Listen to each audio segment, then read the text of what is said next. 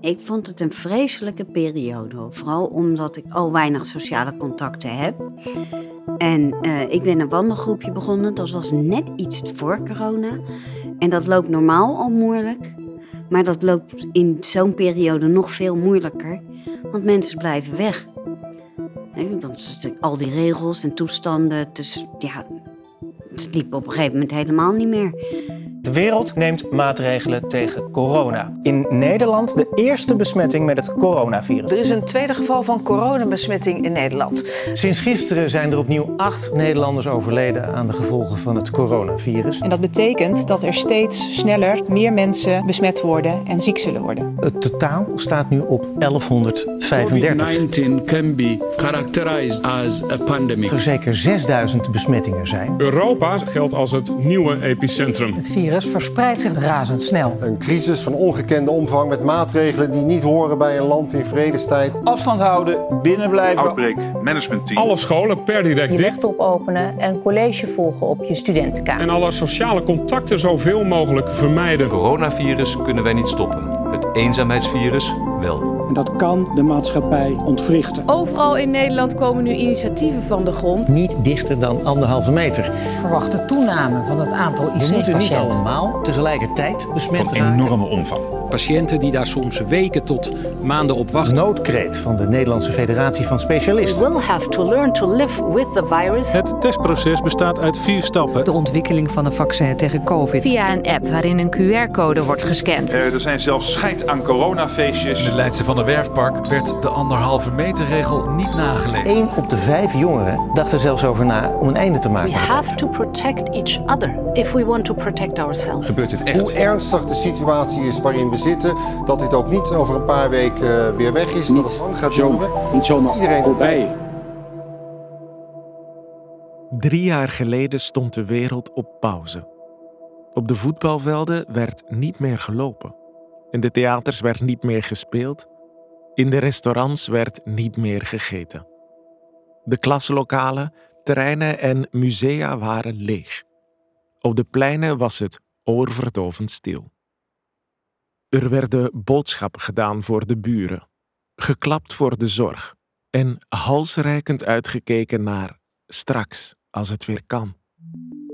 Corona had ons allemaal in de greep. Hoe beleefden wij deze tijd?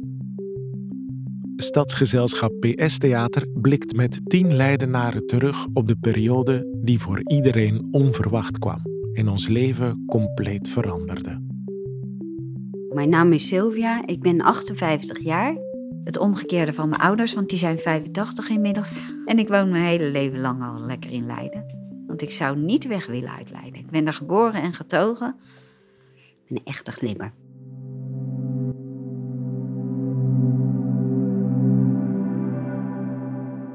In maart begint alles weer te leven. En dan komen de mensen weer wat meer naar buiten.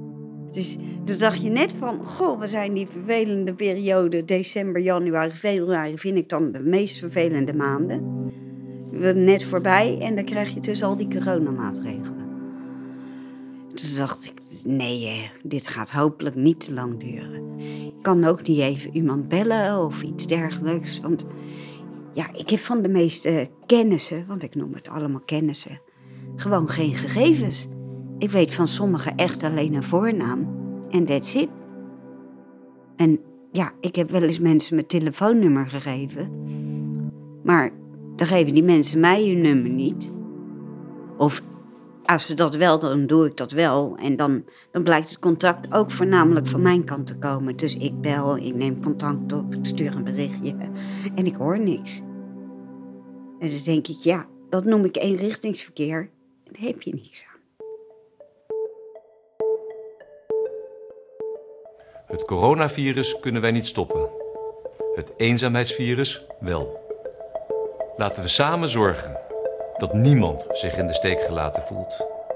Als een bezoekje niet mogelijk is, dan zijn er gelukkig de online communicatiemiddelen, de telefoon of de post.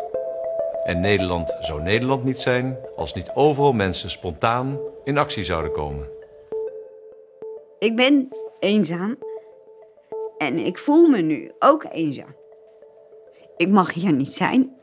Ik ben niet belangrijk genoeg. Ik snap dat mensen natuurlijk met hun eigen netwerk omgaan.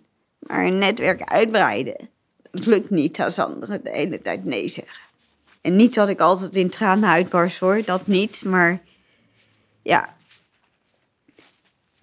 Dus. Iets voor de corona uitbrak, loopt er een vrouw mee. En die kan ik dus wel af en toe bellen, want die woont in de, in de buurt. Dus die bel ik dan wel af en toe. Maar uh, het zijn niet veel mensen. En ik kan natuurlijk haar niet altijd bellen, want van de week dacht ik er weer niet aan.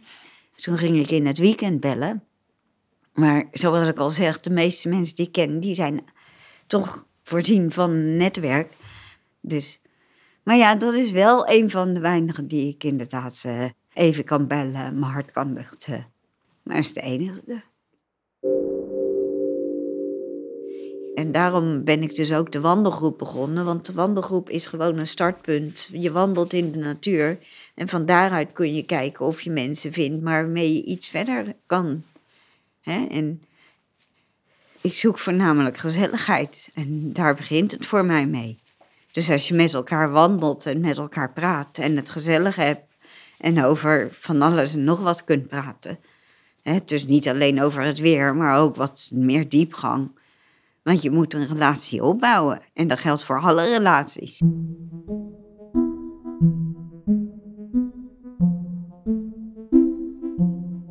We hebben ook langs de Vliet, de Korte Vliet gewandeld. Dat is ook een mooie wandeling.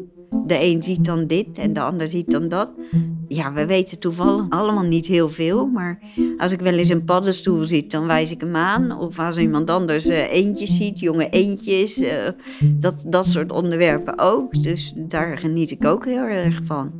Dus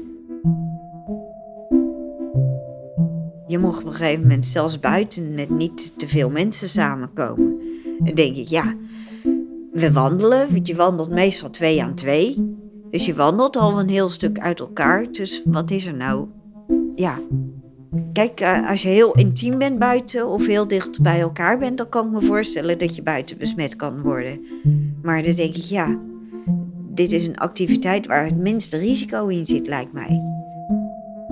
Mijn ouders zitten ook nog in een verpleeghuis, allebei op een andere afdeling. Die mochten ook niet meer naar elkaar, dus die zijn ook nog eenzaam. Daar zit je dan ook nog mee. En dan denk je, ja, ze wonen in huis, maar ze, ze mochten niet naar elkaar. Dat heeft ook nog lang geduurd, dus daar maak je je dan zorgen om. Dan denk je, ja, ze zitten daar, je bent blij dat ze in één huis zitten. Dus dan is het wel fijn als hun twee beter zijn, dat ze elkaar zien. Daarom zeg ik, hun voelen zich ook eenzaam. Ze missen elkaar.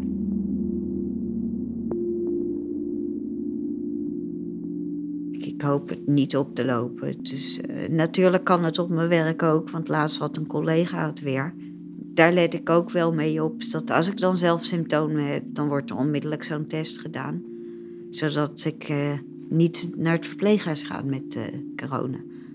Dus dat beperk ik nog steeds. Dus corona werkt nog steeds door bij mij.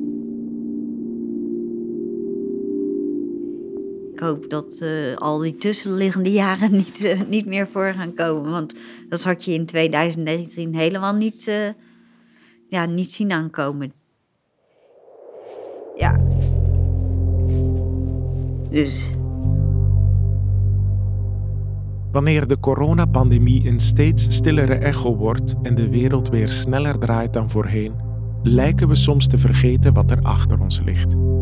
Periode van onzekerheid, verlies en spanning, maar ook een tijd van verbroedering, vertraging en hoop. Bovenal waren het drie jaren die levens veranderden. Soms groots en rigoureus, soms subtiel en bijna onopgemerkt. En niet voor iedereen is het zomaar voorbij. Sommigen hebben nog elke dag te maken met de gevolgen van deze periode. Wat hebben we nodig om diegenen die achterop zijn geraakt te helpen?